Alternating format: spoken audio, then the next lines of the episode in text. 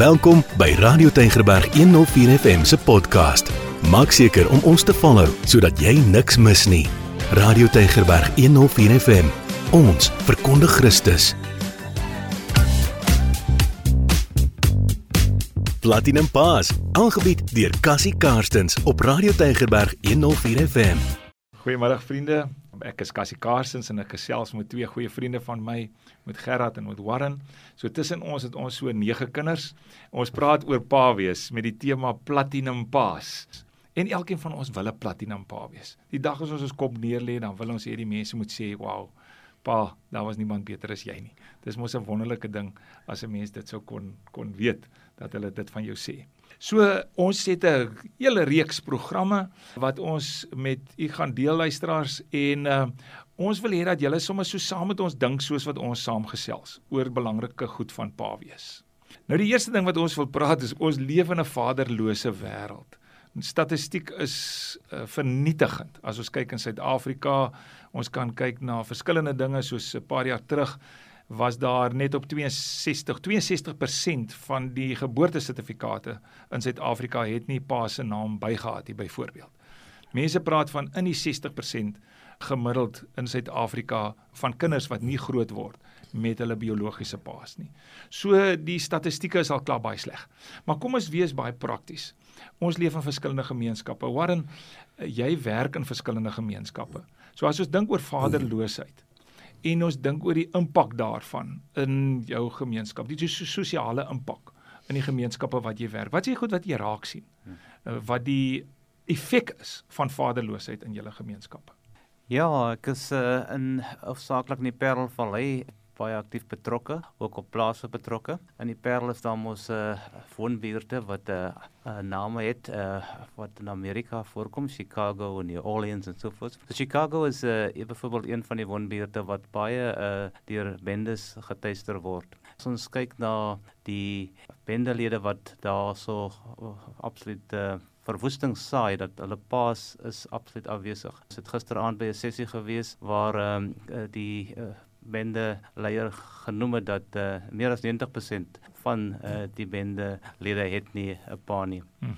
En uh, as ons kyk na wat daar in daai gemeenskappe gebeur en die vrees waarmee huishoudings sit, uh dis absoluut absoluut absoluut erg. Uh en so kan ons ook op die plase, daar sit ons met uh, groot probleme soos alkoholisme en dwelmgebruik. En uh die afwesigheid van 'n pa uh kom altyd net na vore as ons kyk na die uh, kernoorsake. So uh, ja, dis uh dis hartseer uh verhale wat uh afspeel en uh dit is waarmee ons daagliks te doen het. Ja, ek was laas jaar net voor Covid begin het, was ek in Hannover Park en Gracie Park was ek by 'n paar skole gewees en waar hulle 40 swangerskappe in 'n hoërskool het byvoorbeeld. So daardie tiener swangerskappe is ook een van die impakte van vaderloosheid wys uh, navorsing vir ons. En natuurlik nou die dwelmgebruik en 'n klomp bullying is, is 'n ding wat by baie skole voorkom.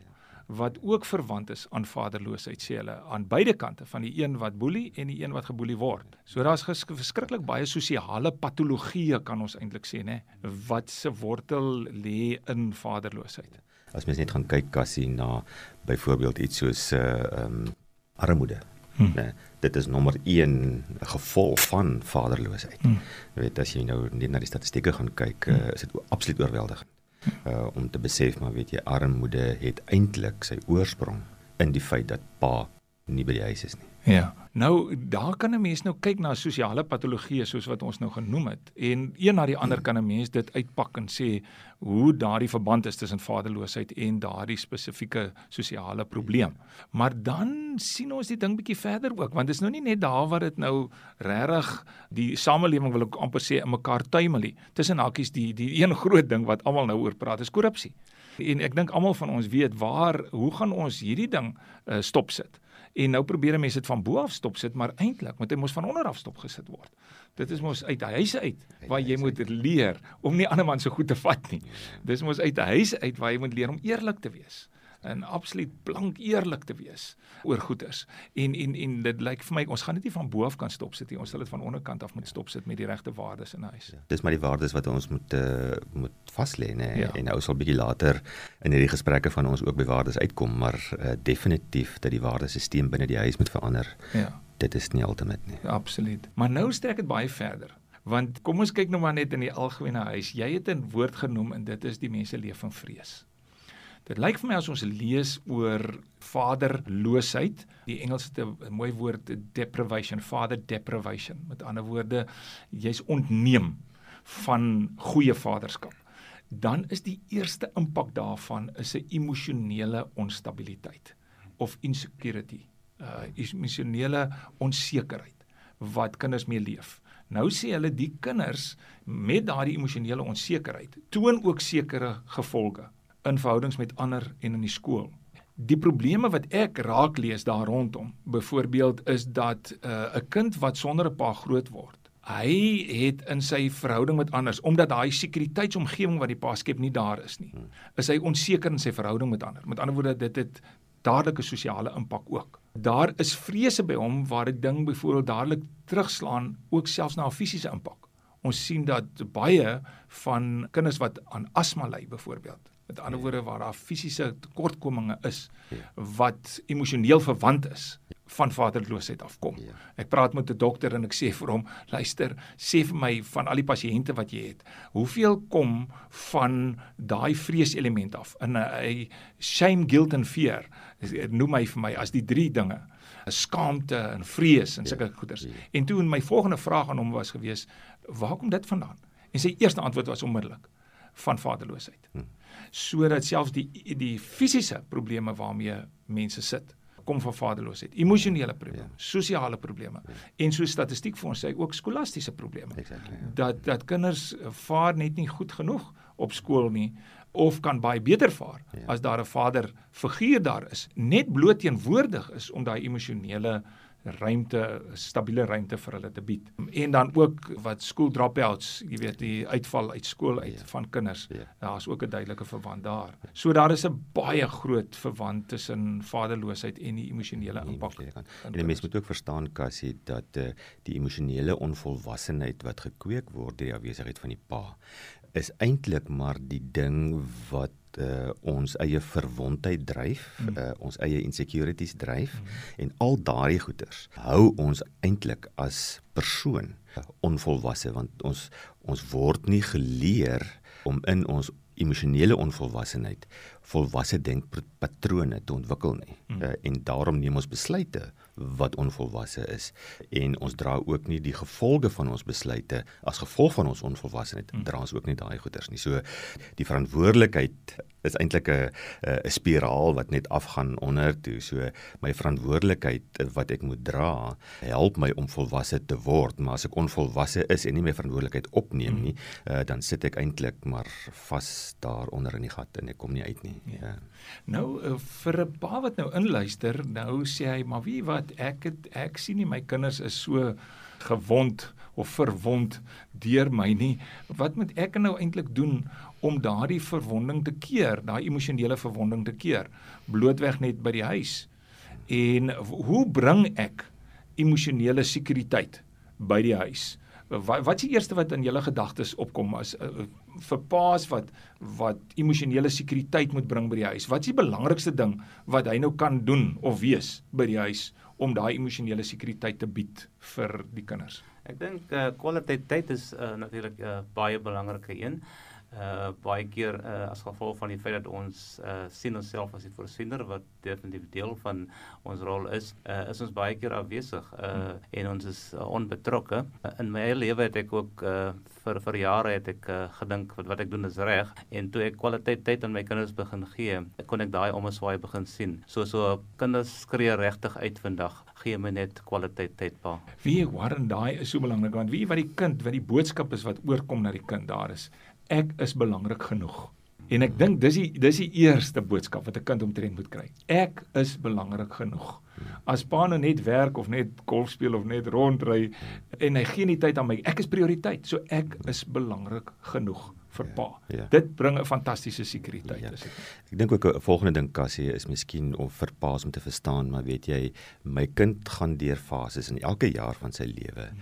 Is daar iets wat ek in sy lewe moet inbou? Hmm. Uh, en wanneer ek as pa die insig het om daai spesifieke ding aan te spreek en vir hom daarin te vorm en te leer, dan kom ons by daai punt uit wat Warren nou net genoem het van die kind ervaar pa is besig met my en pa wil met my tyd spandeer. Mm. En daai wil met my tyd spandeer swaai alles. Ja. Kyk, daar's natuurlik ander elemente ook, soos byvoorbeeld dat baie paas glo dat hulle net kinders kan dissiplineer as hulle vrees indra nie. Met ander woorde, nou is sy manier van optrede is so van bo af optrede. Jy weet, en hou die kinders net laag. Jy weet, as hulle bang is, gaan hulle reg doen. Dis dan 'n verskriklike verkeerde oriëntasie is dit nie? Dan stem ek saam, ja. Uh kyk, toe ons groot geword het, toe was dit nou nog 'n groot ding geweest. Hulle bring vir jou vrees by die skool, hulle bring vir jou vrees by die huis en hulle bring sommer vir jou vrees by die kerk ook, jy weet. Dat jy jy moet net reg stap, anders is jy in groot probleme. Maar nou het die neurowetenskappe vir ons heeltemal 'n ander ding geleer rondom dit, en dat mens optimaal funksioneer juis as jy in 'n vreeslose omgewing optree. So daai emosionele stabiliteit is nou tyd soos jy gesê het, teenwoordigheid. Nou nou teenwoordigheid, kan ek net daaroor gou-gou ietsie vra. Paas is baie keer by die huis, maar ook nie by die huis. So hulle is liggaam is teenwoordig, maar die pa is afwesig. Nou as jy 'n platinum pa wil wees, dan kan jy mos nou nie dit doen nie. Wat tel julle op om met paas te werk oor paas wat teenwoordig by die huis is maar afwesig is? Wat wat maak hulle afwesig by die huis? Wat veroorsaak daardie afwesigheid so julle sê? Ja, baie keer is daar 'n uh, as die pa het uh, as hy by die huis kom het hy nie noodwendig al afgesluit by die werk nie. So hy's nog heeltemal sy hele brein en alles gaan nog rondom die werk. Uh, so ek dink dit is uh, een van die dinge waar die pa die fout maak om voor hy by die huis instap as hy van stel om te sê maar ek sluit dit nou af. Nou gee ek aan soos jy genoem het Cassie, my kinders is belangrik, my vrou is belangrik. So dit is dit is een ding wat wat gebeur dat die pa nie nie afgesluit het nie. En dan is daar ook 'n paar ander goed wat uh, nou belangrik is soos miskien ek wil nou televisie kyk en so ek gee 'n paar baie goed aandag wat net vir my belangrik nou is. Maar dit is daai heeltemal 'n skuif uh van die brein om te sê maar okay, nou gaan ek aandag gee aan my gesin en Ja, weg van myself af leef. Dis korrek. So ek kom nie na die huis toe om te rus in die eerste plek nie. Ek kom na die huis om eers in die eerste plek 'n belegging te maak in my kinders. Dis reg. Rus kom as hulle in die bed is. En ons is volwassenes het die kapasiteit om te wag. Ja. Kinders kan nie wag nie. As hulle daai lekkertjie nou sien, dan wil hy hom dadelik eet, maar ons het mos nou aangeleer, ons kan wag. Ons kan wag tot ons ons lekkertjie kry as almal nou klaar die bed is en aandag gekry het en en liefde ja, gekry het en so meer, né? Want dit gaan maar oor die atmosfeer wat ek skep, né? Mm. So baie ouens sê, maar weet jy, dis my vrou wat die atmosfeer skep, maar dis nie waar nie. Ja. Dis ek wat die atmosfeer skep. Ja, ja. En hoe ek dan emosioneel lei by die huis ja. is net so belangrik in terme van die skep van die atmosfeer as wat dit is om afgesluit en in en soos die Engelsman sê present te wees ja. by die huis wanneer ek instap. Jy praat nou van present, maar daar's 'n gevaarlike dingetjie wat ons baie keer in ons hand ronddra wat ons teenwoordigheid by ander wegneem. En dis daai selfoon ding. Daai is 'n riller is dit nie. Want dit vat ons in 'n ander wêreld in. En ons het dit so aangeleer asof dit normaal is. Ja. En dis miskien een van die grootste gevare. Daarom sê ons mos nou vir paas, jy mag glad nie aan jou selfoon raak vir ten minste 90 minute, verkieslik 2 ure van dat jy by die voordeur instap nie. En uh, met in daai 2 ure is nou die ure wat kinders aandag kry, wat die gesin saam eet, waar daar geen selfoon op die eettafel is as jy aand saam eet nie, geen televisie aangesit is nie, want ons fokus op mekaar. Want ons is baie belangriker as enigiets anders wat nou skielik van buitekant af in ons huis kan inkom. Ja, kas ek moet daarmee saamstem en ek het 'n belydenis in in daai hierdie uh, uh onderwerp waar ons nou praat, uh, want ja, my kinders ek het vir hulle gesê my julle kan nie so baie op die selfoon wees nie. Hulle maar maar dit is op jouself. Uh, kom maar, is is, is belangrike werk. Nee, maar dit is nie die punt nie. Dit is ook op jouself en en en kinders ehm uh, hulle doen wat hulle sien. Pa doen maar doen. So so jy kan hom maar vir hulle sê maar as jy nie daai voorbeeld stel nie. En uh, ja en ek moet bely en uh, ja ons nog nie waar ons moet wees nie maar uh, definitief gevorder op daardie pad. Ja maar daai dissipline is is ontsettend belangrik onverhandelbaar as jy 'n platinum pa wil wees As jy net 'n gewone pa wil wees, net 'n regtig goeie invloed het, dan moet jy net maar met dit goeders leef. Maar as jy hemel in jou huis wil hê, en dis waaroor ons hele reeks van platinum paas gaan. Ons wil hemel in die huis hê. En Jesus het vir ons geleer ons kan hemel in die huis hê. Koninkryk op aarde. Dis hemel in die huis. Ons kan hemel in die huis hê. Maar dan kan ons nie hemel in die huis hê as ons aangaan soos ons altyd aangegaan het nie, want ons sit nou met die wrange vrugte daarvan. So vaderloosheid is nie net as die biologiese pa nie daar is nie. Vaderloosheid is ook die afwesigheid van die pa terwyl hy daar is. Hmm. Vaderloosheid is ook byvoorbeeld die emosionele disconnect wat daar is tussen die pa en byvoorbeeld die kinders en ma natuurlik nou. En natuurlik ons sit nou nog nie gesels oor pa en ma nie. Daar is seker geen beter emosionele stabiliteit wat jy kan verleen aan kinders as om vir ma reg lief te hê en vir ma goed te laat voel en vir ma veilig te laat voel. Daar seker nie iets beter as dit wat 'n mens kan bydra aan die eerste. Ja. Kan sê is uh ja, dit goed dat jy dit nou noem. Ek was nog gisteraand by die World Teacher Father sessie by 'n skool. Baie paas was toe nou betrokke en dis die slotsom waartoe hulle gekom het. As ek my kind wil laat veilig voel, dan moet ek vir mamma liefhet. Ja. En en dit was so uh, 'n uh, goeie ontdekking wat wat gemaak is. So uh, ja, So vaderloosheid. Wie hulle ehm um, die Bybel praat so pertinent en hard daaroor. En ons het baie keer oor dit gelees.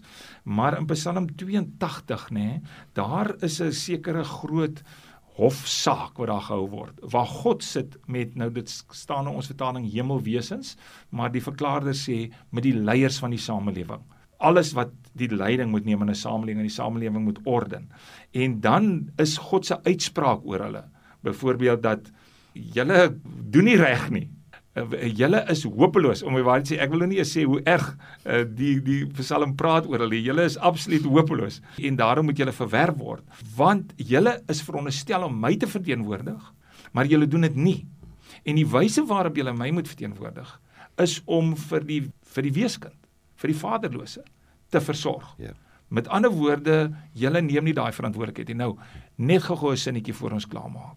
Omdat ons so min biologiese paas by die huis het, is daar soveel huise waar daar die moeders die kinders grootmaak. Hulle moet pa en ma speel. So hulle is halfwees kan jy eintlik sê. Wat sê dit vir kerngesinne? Kerngesinne is die gesinne waar die pa en die ma altyd daar is in terme van verantwoordelikheid. Sê dit ook vir ons dat ons boonbehalwe ons eie kinders moet verantwoordelikheid neem om paas te word vir ander kinders. En as dit dit sê, hoe doen 'n mens dit? Hoe raak jy pa van ander kinders wat jy jou kinders is? Ja, ek dink daar seker 'n paar maniere hoe mense dit kan doen. Ek kan net uit persoonlike lewe uh, net uh, ook daarvan getuig. Daar was 'n uh, eh, dogtertjie 12 jaar baie onseker en uh, sy was by 'n kinderhuis gewees en sy het in ons lewe gekom. Uh, Tandi is haar naam. Vandag is sy 22. Uh, sy het hierdie jaar begin werk, maar haar lewe het net totaal verander van die dag toe ons haar lewe geneem het. So jy hoef nie noodwendig fisies uh, die persoon in jou huis te neem nie, maar jy kan jou begin ontferm oor ten minste een persoon. Ja. En, en dit kan 'n mens doen op verskillende maniere dan nie. Ja, ek dink so Cassie, ek dink die die belangrikheid is ook dat ons as gesonde familie uh, dan begin kyk na families waar daar nie 'n pa is nie of die pa dan nou emosioneel afwesig is, sodat byvoorbeeld my vrou en die enkel ma daar buite uh, ooreenkom dat wanneer ek tyd spandeer met my eie kinders dat ek ook haar kinders sal bytrek en so kry daai kinders uh, darme ietsie van wat beteken 'n normale pa? Hoe lyk 'n normale pa as mens nou normaal in aanhalingstekens kan sit? Uh, want niemand van ons is perfek nie maar uh, daar's ten minste uh, beginsels van pa wees wat dan oorgedra word uh, op daai manier. So vandag stap ons weg met 'n uh, met 'n lesie dat in hierdie vaderlose wêreld as jy 'n platinum pa wil wees Dan die eerste ding is jy bring emosionele sekuriteit by die huis. Ma liefde hê, kinders tyd te spandeer, nie vrees in te jag in mense se lewe nie, maar dan ook om so trappie hoër te beweeg en jou oë te sprei oor die samelewing waar ander kinders paas nodig het en betrokke te raak. Het soos wat jy nou pas gesê het, maar ook miskien om 'n afrigter van 'n sokkerspan te raak of 'n sonnaskoolonderwyser te raak van 'n klomp seuns. Maar net 'n groter verantwoordelikheidsin te ontwikkel. Hoekom? Want God is die pa van die vaderlose. Dit is in God se hart en sy gees leef in ons hart. En daarom sal ons soos hy dink en soos hy kyk na die samelewing en hierdie wêreld 'n beter plek maak. Ons droom vir 'n wêreld waar daar hemel in elke huis is.